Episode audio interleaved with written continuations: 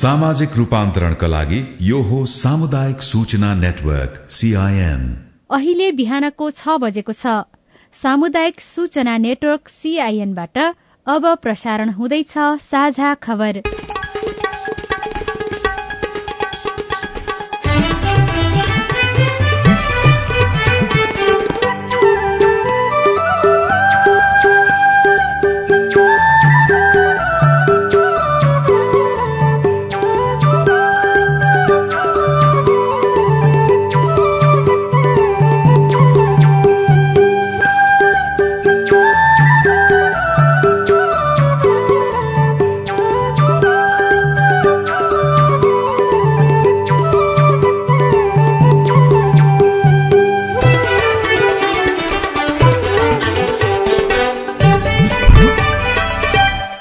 शुभ प्रभात यो सीआईएनको साझा खबर हो। उषा तामाङसँगै राजन रुचालको तपाईँलाई स्वागत छ। सामुदायिक रेडियोबाट देशैभरि एकैसाथ प्रसारण भइरहेको साझा खबर सीआईएन खबर डट कम र मोबाइल एप सीआईएनबाट पनि सुन्न सकिन्छ। आज दुई हजार उनासी साल फागुन बीस गते शनिबार मार्च चार तारीक सन् दुई हजार तेइस नेपाल सम्मत एघार सय त्रिचालिस फाल्गुन शुक्ल पक्षको द्वादशी तिथि। साझा खबरमा प्रमुख खबरका शीर्षकहरू। दूधको मूल्य लिटरमा नौ रूपियाँ दस पैसाले बढ्यो। उपभोक्ताले भने चौध रूपियाँसम्म तिर्नुपर्ने। दुई वर्षभित्र देशका सबै घरधुरीमा बिजुली पुर्याउने सरकारको लक्ष्य तर दुर्गममा आधा जनताले अझै बिजुली बाल्न पाएनन्। दिवा खाजा खुवाउन ल्याइएको चौन्न हजार किलो चामल अखाद्य। द्वन्दकालीन घटनाको विषयमा प्रधानमन्त्री प्रचण्ड विरूद्धको ऋण दर्ता गर्न सर्वोच्चको आदेश। नयाँ गठबन्धन बनेपछि मन्त्रालय बाँडफाँडमा सक्कस हुने संकेत कर्णालीका विद्यार्थी पुस्तक अभावमै परीक्षाको तयारीमा बैंक तथा वित्तीय संस्था विरूद्ध हुने गलत गतिविधि रोक्न गृह मन्त्रालयको निर्देशन। दश जिल्लाबाट राष्ट्रिय परिचय पत्र वितरण शुरू गरियो। इण्डोनेसियामा इन्धन भण्डारण डिपोमा भएको आगलागीमा परि सत्र जनाको मृत्यु। श्रीलंकाको केन्द्रीय ब्याङ्कले ब्याज दर बढ़ायो। ग्रामीण समुदायमा लगानी गर्नुपर्ने माग राख्दै कोलम्बियामा प्रदर्शन चर्किँदै। र विश्वकप क्रिकेट लीग टूमा पीएनजीमाथि नेपालको जित। ए डिभिजन लीग फुटबलमा आज तीनवटा खेल हुँदै।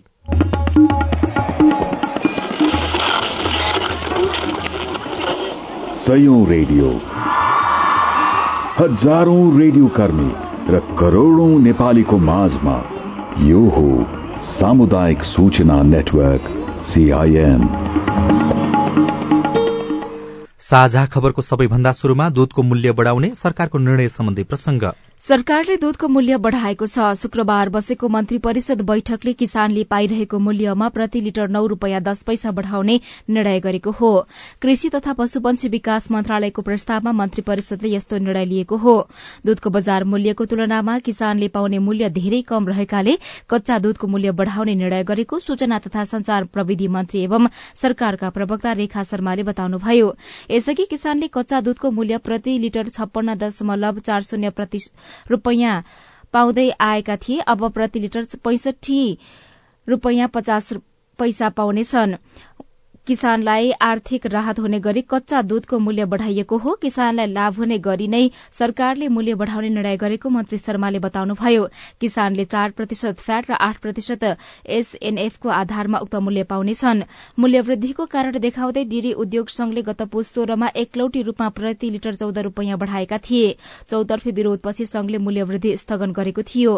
त्यस पश्चात अध्ययनका नाममा सरकारसँग मिलेमतो गरी प्रति लिटर चौध रूपियाँ बढ़ाउने तयारी थियो। त्यसको पनि विरोध भएपछि दाना चोकर मुद्रास्फीति ढुवानी खर्च उद्योगीको खर्च बढ़ेको निष्कर्ष निकाल्दै राष्ट्रिय दुग्ध विकास बोर्डले दूधको मूल्य प्रति लिटर दस रूपियाँ बढ़ाउन कृषि मन्त्रालयमा प्रस्ताव गरेको थियो। बोर्डको प्रस्तावका आधारमा कृषिले मन्त्री परिषदको बैठकमा प्रस्ताव लगेको हो। मन्त्री परिषदको निर्णयसँगै कृषि तथा पशुपन्छी विकास मन्त्रालयले मूल्य बढ़ाउन दुग्ध विकास संस्थान डीडीसीलाई परिपत्र गर्छ। त्यसपछि किसानले पाउने मूल्य कार्यान्वयन हुन्छ। दूधको मूल्य बढ़ेपछि दुग्धजन्य अन्य वस्तु दही पनिर घिउ लगायतको मूल्य पनि बढ़नेछ सरकारले दूधको मूल्य बढ़ाए पनि किसानले नपाउने गरेको गुनासो गर्ने गरेका छन्। राष्ट्रिय कृषक महासंघका उपाध्यक्ष यानुकुमारी गौतमले सीआईएनसँग भन्नुभयो। अब दुधको मूल्य बढ्छ उता जुन व्यापारी मार्फत मात्रै बढाइन्छ प्रत्यक्ष जुन दुःख गर्ने किसान हुन्छन् किसान चाहिँ लाभान्वित हुन सक्दैन क्या व्यापारीहरूले चाहिँ किसानलाई मूल्य नै दिँदैनन्। त्यसलाई चाहिँ कार्यान्वयनमा जानुपर्छ। हामीले किसानहरू पनि एकजुट भएर लाग्नु पर्यो होइन? त्यो चाहिँ अब जुन सरकारले बढाएको मूल्य चाहिँ किसानले प्रत्यक्ष पाउनु पर्यो भनेर किसानहरूले पनि माग राख्नु पर्यो आगामी दुई वर्षमा देशका सबै घरधुरीमा बिजुली पुर्याउने सरकारको लक्ष्य छ। अहिले वैकल्पिक ऊर्जा सहित चौरानब्बे प्रतिशत जनसंख्या बिजुलीको पहुँचमा छ। मुगुमा एकसठी प्रतिशत नागरिक अझै बिजुलीको पहुँच बाहिर रहेका छन् भने उनाचालिस प्रतिशत बिजुलीको पहुँचमा रहेका छन्। च्याप्नेगाड जलविद्युत आयोजना पूरा भए तीन सय भन्दा बढ़ी परिवारमा बिजुली पुग्नेछ तर एक दशक बित्दा पनि यो आयोजना पूरा हुन सकेको छैन।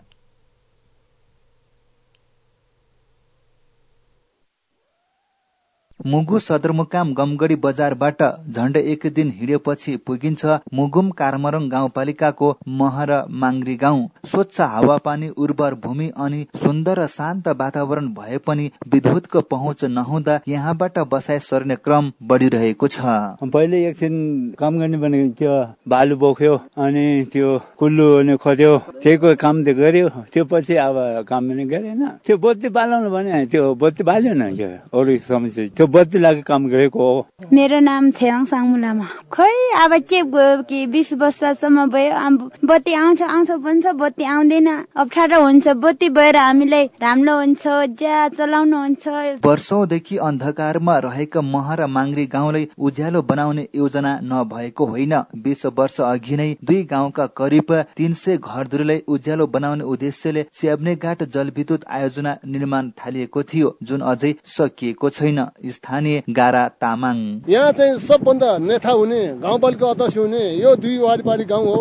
अहिलेसम्म बुढा बाखाहरू जलविद्युत जलविद्युत विद्युत भन्दै आँखा चिम्टेर मरिसक्यो कोही कैयौँ कैयौँ अझ बाँचिरहेको छ। केही पनि भइरहेको छैन अझ झरो बालेर अन्धर बसिरहेको छ। राधा कन्स्ट्रक्सनले अन्ठाउन्न लाख रुपियाँमा आयोजनाको ठेक्का लिएको थियो तर तत्कालीन सशस्त्र द्वन्दका कारण आयोजना अघि बढ्न सकेन। द्वन्द सकिएपछि धेरै समिति हेरफेर भए पनि आयोजना बनेन। अर्का स्थानीय छिरिङ तुण्डुप तामाङ। बाल्नु त बाल्ने भन्ने बाल्ने भनेको कुराहरू यो विश्वास छैन। चार वर्ष अघि आयोजनाबाट बिजुली बलेको पनि थियो। जीविसको दुर्गम विकास क्षेत्रबाट आयोजनाको काम सम्पन्न भएको प्रतिवेदन समेत पारित भयो। तर बजेट अभावमा सेवा विस्तार हुन नसकेको आयोजना निर्माण उपभोक्ता समितिको कोषाध्यक्ष पात्मा नाङ्गे लामाले बताउनु भयो अब यो निर्माण सम्पन्न गर्नलाई अब बजेट चाहियो सबैभन्दा सर।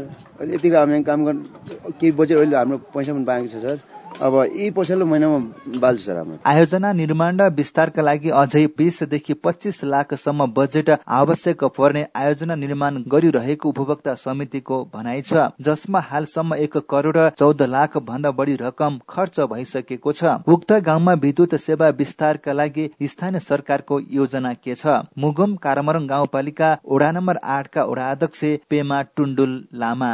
पहिला आएको रकम चाहिँ थिएन अनि हामी वडाले पनि धेरै जसो हामीले पहल गरेको छु। किन नबनाएको र कसरी बनेन भन्दाखेरि उहाँले यो रकमको अभावले गर्दा हो। त्यो चाहिँ भन्नुभएको थियो। चार वर्ष अघि नै बत्ती बलेको आयोजना स्थलमा अहिले कुनै पनि विद्युतीय सामग्री छैनन्। भएका सामानमा पनि खिया लागेको छ। आयोजना सञ्चालनका लागि यी दुई गाउँका सयौं परिवार सरकारको बाटो हेरिरहेका छन्। Khadka Sunar CIN radio Mugu Mugu Gamgadhi bank तथा वित्तीय संस्थाहरू विरूद्ध हुने गलत गतिविधि रोक्न देशभरका जिल्ला प्रशासन कार्यालयहरूलाई गृह मन्त्रालयले निर्देशन दिएको छ।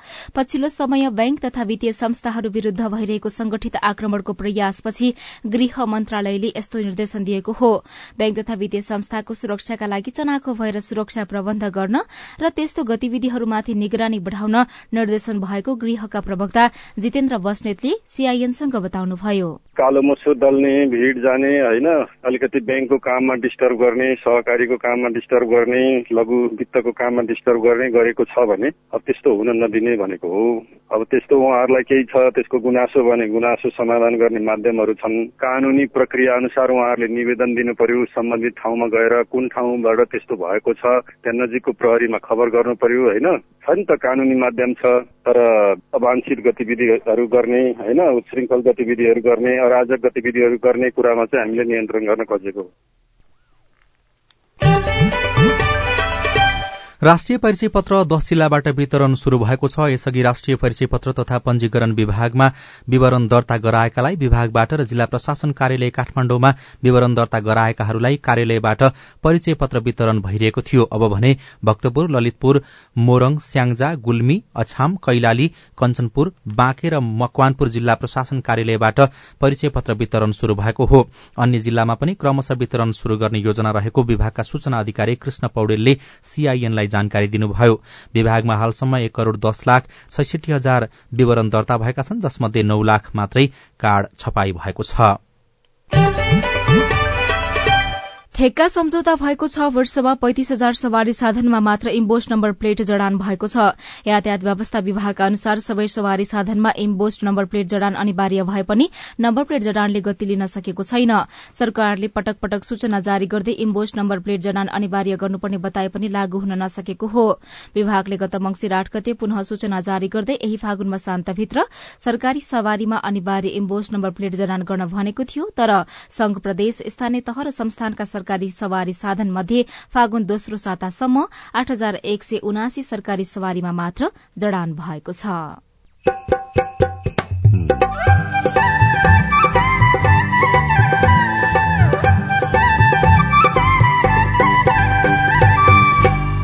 सामुदायिक सूचना नेटवर्क सीआईएन मार्फत देशभरि प्रसारण भइरहेको साझा खबरमा ज्येष्ठ नागरिकलाई कसरी आत्मनिर्भर बनाउन सकिन्छ? आमाहरू टपरी गाँच्न जान्नुहुन्छ मस्यौरा बनाउन जान्नुहुन्छ चाना बनाउन जान्नुहुन्छ उहाँहरूलाई घरेलु उद्योगको रूपमा प्रोत्साहन गरौं न। दिवा खाजा खुवाउन ल्याइएको चौन्न हजार किलो चामल अखाद्य द्वन्दकालीन घटनाको विषयमा प्रधानमन्त्री प्रचण्ड विरूद्धको ऋण दर्ता गर्न सर्वोच्चको आदेश लगायतका खबर बाँकी नै छन्। सीआईएनको साझा खबर सुन्दै गर्नुहोला। जलवायु परिवर्तनले मानव जीवन र प्राकृतिक प्रणालीमा विश्वव्यापी प्रभाव पारेको छ। आगामी दिनमा यो क्रम अझै बढ्दै जाने अनुमान गरिएको छ। तिम्रो किताबमा पनि जलवायु सम्बन्धी पाठ रहेछ नि होइन छ नि। आज म पारिस्थितिकीय प्रणालीमा आधारित अनुकूलन अर्थात इबिए भन्ने पाठ पढ्दैछु। के रहेछ यो इबिए भनेको? जोखिममा परेका समुदायलाई प्राकृतिक स्रोत र साधनको उपयोग गरी जलवायु परिवर्तनको जोखिम न्यूनीकरण र सामना गरी जिउने र विकसित हुन सहयोग पुर्याउने कामलाई इबिए भनिन्छ। जलवायु परिवर्तनको प्रतिकूल प्रभावको सामना गर्न समुदायहरूलाई सहयोग पुर्याउने यो एउटा नयाँ अवधारणा हो। ए अनि खेती किसानी गर्ने हामीलाई पनि यसले फाइदा गर्छ? गर्छ नि। सुक्खा ठाउँहरूमा कम चिस्यानमा हुर्कन सक्ने बाली नाली लगाउने अनि पहिरो जान सक्ने क्षेत्रमा पहिरो रोकथाम गर्न सक्ने र उपयोगी बिरुवा लगाउने। समुदायलाई फाइदा हुने गरी वन चरण पानीको मुहान जस्ता स्रोतको दिगो व्यवस्थापन गर्ने कामहरू इबी अन्तर्गत पर्छन् क्या। उसो भए त यो गजबको कुरा रहेछ त। हो त नि धेरै गजबको कुरा हो। इबिए को योजना तयारी र कार्यान्वयन गर्दा स्थानीय जनताको सहभागिता आदिवासी जनजाति संरक्षण कर्मी प्राकृतिक स्रोत व्यवस्थापन अभियन्ता र निजी क्षेत्रका सरोकारवालाहरू बीच पनि समन्वय चाहिन्छ। जलवायु परिवर्तनले निम्ताएका चुनौतीको सामना गर्न जमिन जल र प्राकृतिक स्रोत व्यवस्थापनका सर्वोत्तम उपलब्धिहरूको कार्यान्वयन गरौं। पारिस्थितिकीय प्रणालीमा आधारित अनुकूलन आयोजना जलवायु परिवर्तन तथा व्यवस्थापन महाशाखा वन तथा वातावरण मन्त्रालय र सिआइएन ल कान्छा यतिका दिन जे भयो भयो। अब दाई दिदी बहिनीहरूसँग रिस नराखेस् है। कान्छा दाईले मात्र होइन क्या आमा? मेलमिलाप भइसकेपछि अब कसैले मन अमिलो बनाउनु भएन। तपाईँहरूले नै रोजेका मेलमिलापकर्ता राखेर जग्गाको साँच सिमाना बारेको नौ वर्षदेखिको विवादमा मेलमिलाप भयो। योभन्दा खुसीको कुरा हामी मेलमिलापकर्ताको लागि के हुन्छ र? मेलमिलापकर्ता बाबु हामी दुई भाइ बीचको झगडालाई यति सजिलै चाँडै मिलाइदिनु भएकोमा तपाईँलाई मुरी मुरी धन्यवाद छ। मैले यो मेलमिलाप केन्द्र भन्ने त अलि पहिले नै सुनेको थिएँ क्या बाबु। मन माझामाझ गरेर दुवै पक्षले जित्ने गरी पो कुरा मिलाउनु हुने रहेछ। कस्तो राम्रो। मनमुटाप गर्नेहरूलाई अबदेखि यो मेलमिलाप केन्द्रमै जाऊ भन्छु म चाहिँ। सुन्नुहोस् आमा। सरकारी सामुदायिक र सार्वजनिक बाहेक जग्गा सम्बन्धी विवाद गाली बेजती लुटपिट सहित विभिन्न एघार प्रकारका विवाद हरेक वडामा रहेका मेलमिलाप केन्द्रबाट मिलापत्र गराउन सकिन्छ नि आमा। कस्तो राम्रो। अनि हरेक वडामा यस्ता मेलमिलाप केन्द्र छन् त बाबु? छन् नि आमा। किन नहुनु? कुनै कुनै वडामा दुई वा त्यसभन्दा धेरै पनि छन्। विवादका पक्ष र विपक्षका व्यक्तिले चाहेको मेलमिलाप केन्द्रबाट निकास खोज्न सकिन्छ। वडाको मेलमिलाप केन्द्रबाट विवाद समाधान भएन भने नि आमा। हजुर। पालिकाको न्यायिक समितिले पनि विवाद समाधानका लागि छलफल गराउन सक्छ। आहा। यति भएपछि त गाउँघरको झगडा गाउँमै हाँसु खुसीका साथ मिल्ने भइहाल्यो नि होइन त? हो नि आमा। अस्ट्रेलिया सरकार र द एसिया फाउन्डेशनको साझेदारीमा सञ्चालित स्थानीय सरकार सबलीकरण कार्यक्रम र अकोराब नेपाल।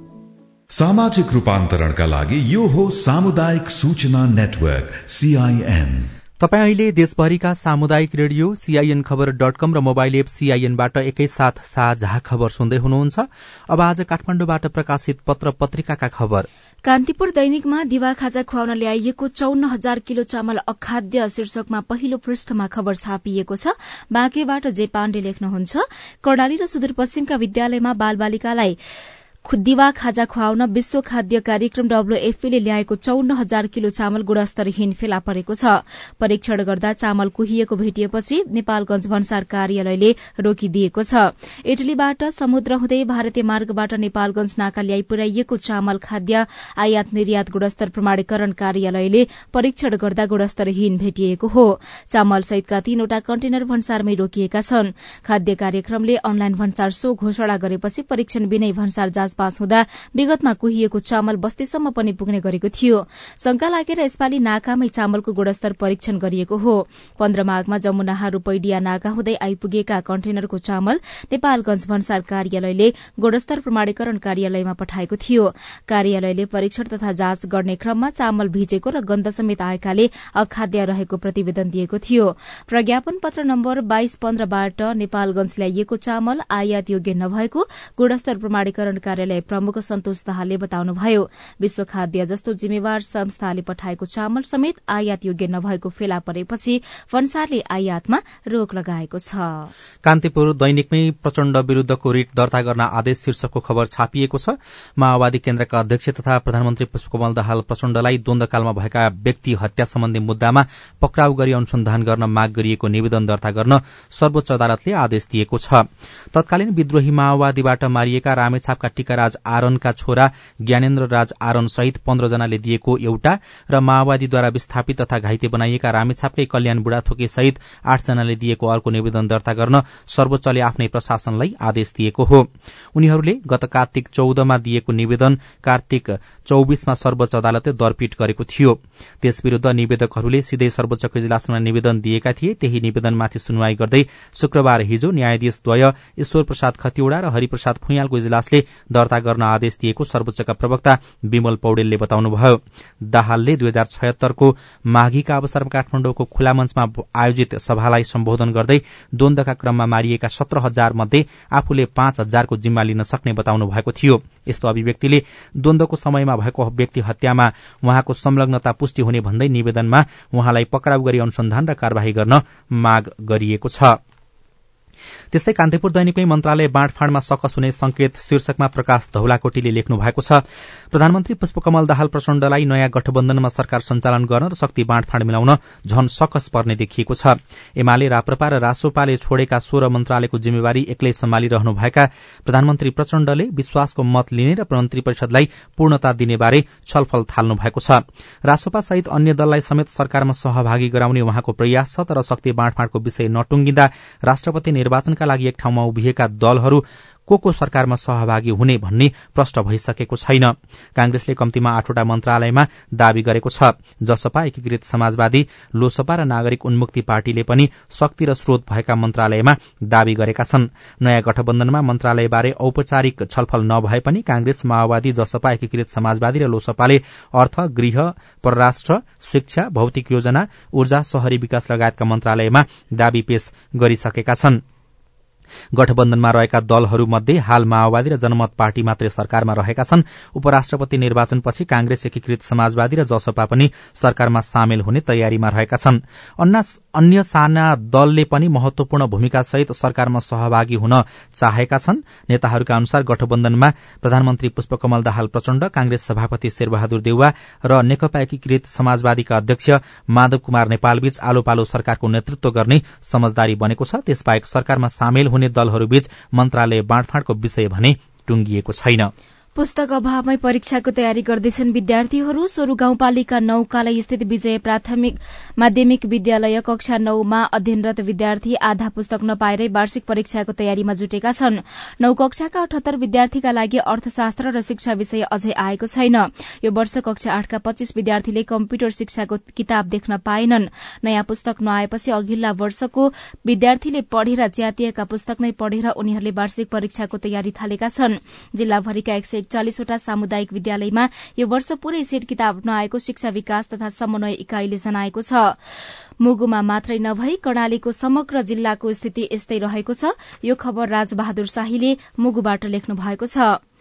कान्तिपुर दैनिकमा सरूवामा प्रधानमन्त्रीको अस्वाभाविक चासो शीर्षकमा ऋषिराम पौड्याल लेख्नुहुन्छ। सहसचिव तुलसीनाथ गौतमलाई यातायात व्यवस्था विभागको महानिर्देशकमा नियुक्ति गरेको एक्काइस दिनमा सोमबार स्वास्थ्य मन्त्रालय पठाइएको छ।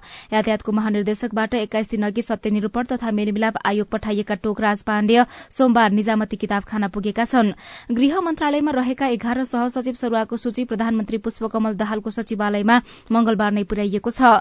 प्रधानमन्त्री दाहालको जिम्मेवारीमा रहेको वाणिज्य तथा उपभोक्ता संरक्षण विभागका महानिर्देशक महेश भट्टराईलाई काम सम्हालेको पाँच महिना एक्काइस दिनमा सोमबार फिर्ता बोलाइएको छ। सहसचिव झलकराम अधिकारीलाई राजस्व अनुसन्धान विभागको महानिर्देशकमा नियुक्त गरेको साढे चार महिनामा गत माघमा फिर्ता बोलाइएको थियो। कार्यालय प्रमुखका रूपमा जुन निकायमा पठायो त्यही विवादमा पर्दै आएका अधिकारीलाई प्रधानमन्त्री दाहालले नै सम्हालेको गृह मन्त्रालयले मंगलबार अध्यागमन विभागको महानिर्देशकमा जिम्मेवारी दिएको छ। प्रधानमन्त्रीको ठाडो निर्देशनमा पर्यटन मन्त्री सुदन किरातीले त्रिभुवन अन्तर्राष्ट्रिय विमानस्थलको महाप्रबन्धकमा प्रताप बाबु तिवारीलाई सरूवा गर्नुभएको छ। दोहोर्याएर विमानस्थल पुग्नुभएका तिवारी नागरिक उड्डयन प्राधिकरण तहको शिक्षालयमा कार्यरत हुनुहुन्थ्यो। सरकार गठन भएको दशौं दिनमा शुरू भएको कर्मचारी फेरबदलले निरन्तरता पाएपछि दुई महिनामा सचिव सहसचिव उपसचिव अधिकृत सहित एक सय पच्चीस भन्दा बढ़ी कर्मचारीको सरूवा भइसकेको छ। दाहाल नेतृत्वको सरकार बनेको दशौं दिनमा अर्थसहित विभिन्न मन्त्रालय र निकायमा सातजना सचिव सरूवा गरेको थियो। प्रधानमन्त्री दाहालको अस्वाभाविक चासो कर्मचारी सरूवामा देखिएको छ जसका कारण दैनिक काम समेत प्रभावित भएको उच्च अधिकारीहरू बताउँछन्। साझा खबरमा अब विदेशका खबर। इण्डोनेसियाको राजधानीमा रहेको इन्धन भण्डारण डिपोमा आग लागि हुँदा सत्र जनाको मृत्यु भएको छ। दुई बालबालिका सहित अन्य पचास जना घाइतेलाई अस्पताल भर्ना गरिएको छ। आग लागेका कारण डिपो नजिकैका हजारौं बासिन्दाहरू विस्थापित भएका छन्। उत्तरी जाकर्ताको तानाहा मेराहा छिमेक नजिकै सरकारी तेल र ग्यास कम्पनी पेर्टामिनाद्वारा संचालित इन्धन भण्डारण स्टेशनमा आग लागि भएको बताइएको छ। श्रीलंकाको केन्द्रीय बैंकले मुद्रास्फीतिलाई सम्बोधन गर्न ब्याज दर बढ़ाएको छ। बैंकले आफ्नो स्थायी निक्षेप सुविधा दर र स्थायी कर्जा सुविधा दर सय आधार बिन्दुले बढ़ाएर क्रमशः पन्ध्र दशमलव पाँच प्रतिशत र सोह्र दशमलव पाँच प्रतिशत पुर्याएको विज्ञप्तिमा उल्लेख गरिएको छ। केन्द्रीय बैंकका गवर्नर पी नन्दलाल बारा सिंघेले दर वृद्धिसँगै सबै पूर्व कार्यहरू पूरा भइसकेको र आईएमएफको बेल आउट यही महिनाभित्र स्वीकृत हुने स्वीकृति हुनेमा आशावादी रहेको बताउनु भएको छ। र कोलम्बियामा प्रदर्शनकारीहरूले तेल क्षेत्रका कामदार र प्रहरीलाई बन्धक बनाएपछि उनीहरूको रिहाईका लागि रक्षा मन्त्री इभान भेलास्क्वेजले भेलास्क्वेज कोइटाटा प्रान्तमा पुग्नु भएको छ। कोइटाटा प्रान्तमा संचालित तेल कम्पनी इमराल्ड इनर्जीले ग्रामीण समुदायमा लगानी गर्नुपर्ने माग राख्दै त्यहाँका स्थानीयवासीले तीन दिनदेखि उनासी प्रहरी अधिकारी र नौ तेल क्षेत्रका कामदारलाई बन्धक बनाएर राखेको छ। उनीहरूको रिहाईका लागि वार्ता गर्न रक्षा मन्त्री त्यहाँ पुग्नु भएको हो। साझा खबरमा अब खेल खबर। विश्वकप क्रिकेट लीग टू अन्तर्गत नेपालले पौपा न्युगिनीलाई तीन विकेटले हराएको छ। हिजो दुबईमा भएको खेलमा एक सय अस्सी रनको लक्ष्य नेपालले दुई ओभर बाँकी छँदै सात विकेट गुमाएर पूरा गर्यो। नेपालको जितमा आसिफ शेखले अभिजित छयासी र सन्दीप लामिछानेले अभिजित पैंतिस रन बनाउनुभयो।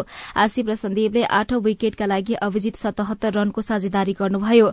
टस जितेर पहिले ब्याटिङ गरेको पीएनजीले उनापचास ओभर दुई बलमा एक सय रन बनाएको थियो। नेपालका सोमपाल कामी र दिपेन्द्र सिंह ऐरीले दुई दुई तथा कुशल मल्ल सन्दीप लामिछाने र कणर केसीले एक एक विकेट लिनुभयो। जारी त्रिकोणात्मक श्रृंखलाको अन्तिम खेलमा नेपालले सोमबार युएसँग खेल्नेछ। र एफसी खुमलटारले सहित स्मारक ए डिभिजन लीग फुटबलमा विजयी शुरूआत गरेको छ। दशरथ रंगशालामा हिजो भएको उद्घाटन खेलमा फ्रेन्च क्लबलाई एक शून्य गोल अन्तरले हराउँदै खुमलटारले सुखद शुरूआत गरेको हो। लीग अन्तर्गत आज तीन खेल हुनेछन्। च्यासल रंगशालामा दिउँसो साढे दुई बजे नेपाल पुलिस क्लब र चर्च बोइज युनाइटेड बीच खेल हुनेछ। दशरथ रंगशालामा दिउँसो साढे दुई बजे एपीएफ र थ्री स्टार तथा साँझ साढे पाँच बजे मनाङ र हिमालयन शेर्पा बीच प्रतिस्पर्धा हुनेछ।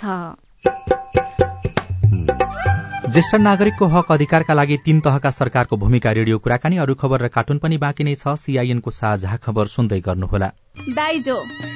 दहेज मांगने है अस्सी हजार रुपया। आठ आना सोना बाह्र भर चानी बाल विवाह?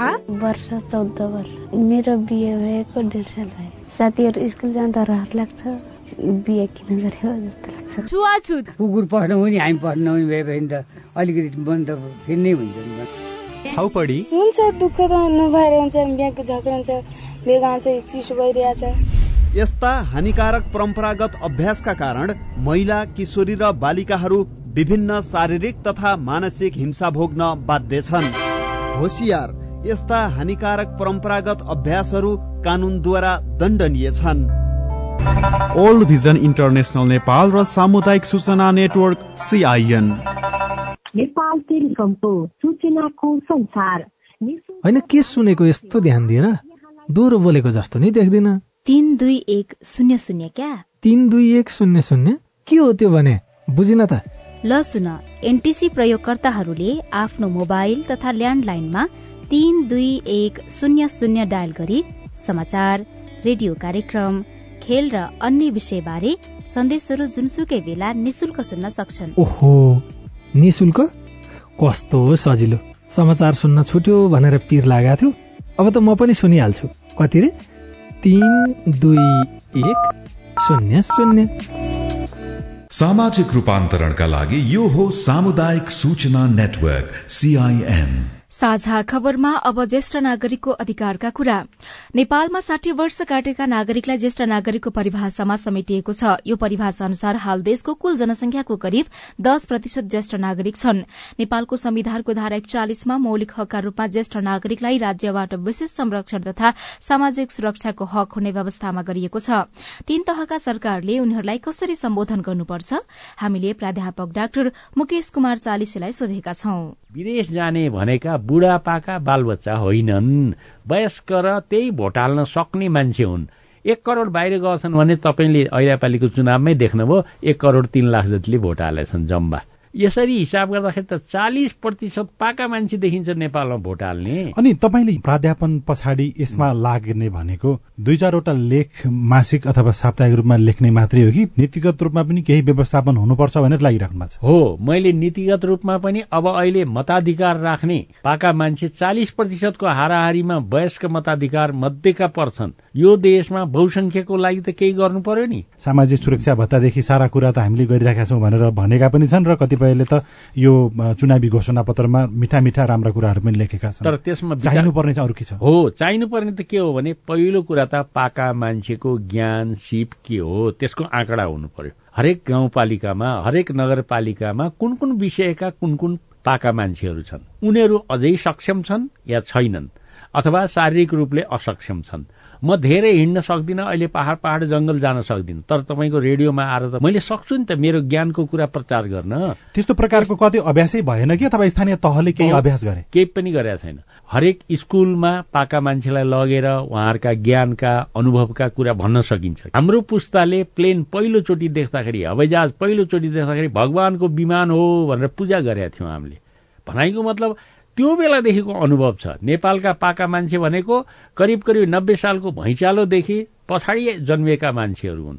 यसकारण उनीहरूलाई वर्षको अथवा महिनाको चार हजार दिन्छु भनेर त्यो टिका ला जस्तो गरेर होइन कि उनीहरूको ज्ञानको उचित मूल्याङ्कन गरेर कहाँ ज्ञान उपयोग हुन्छ त्यहाँ गर्ने। कतिजना पाका मान्छेहरू कवि कलाकार हुनुहोला गीतकार हुनुहोला गीत गाउने हुनुहोला कैयौं स्कुलमा सांगीतिक कार्यक्रम हुन्छ? त्यहाँ पाका मान्छेलाई लगेर हाम्रो पालामा यस्तो गीत पनि हुन्थ्यो यस्तो छन्द हुन्थ्यो यस्तो भाका हुन्थ्यो भनेर सिकाउन सकिन्छ। तपाईँले जुन अभियान सुरु गर्नुभयो यो अभियान सुरु भएर हामी आधा बाटोसम्म पुगिसक्यौँ भन्ने प्रकारको हो कि? एउटा कोसिस हो सके गरिन्छ नसके यस्तै रहन्छ अहिले मेरो मेरो काम चाहिँ के छ भने म लेखहरू धेरै लेख्न थालेँ एउटा किताब पनि निस्किसक्यो। त्यसमा मैले नेपालमा रहेका नीति नियमको समालोचना गर्दै पाका मान्छे बारेमा नीति कस्तो हुनुपर्छ? हामी परिवारमै पाका मान्छेलाई टिकाइराखौँ न परिवारमै राम्रोसँग बसाइराखौँ न उहाँहरूलाई अझै पनि जे सकेको काम दिएर आय आर्जनमा लगाउने हो भने त त्यो घरका मान्छेले नि पाएको भयो बुढो भयो केही कमाउँदैन खालि खान्छ मात्रै भन्ने त भएन नि।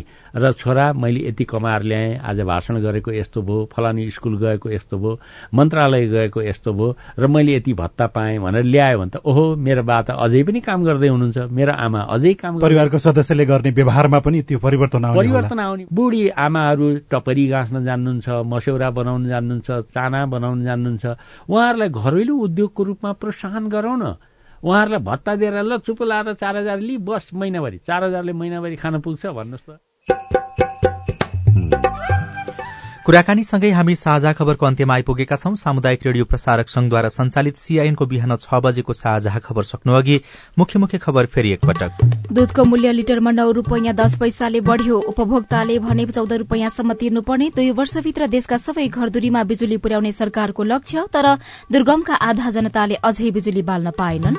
दिवा खाजा खुवाउन ल्याइएको चौन्न हजार किलो चामल अखाद्य द्वन्दकालीन घटनाको विषयमा प्रधानमन्त्री प्रचण्ड विरूद्धको रिट दर्ता गर्न सर्वोच्चको आदेश।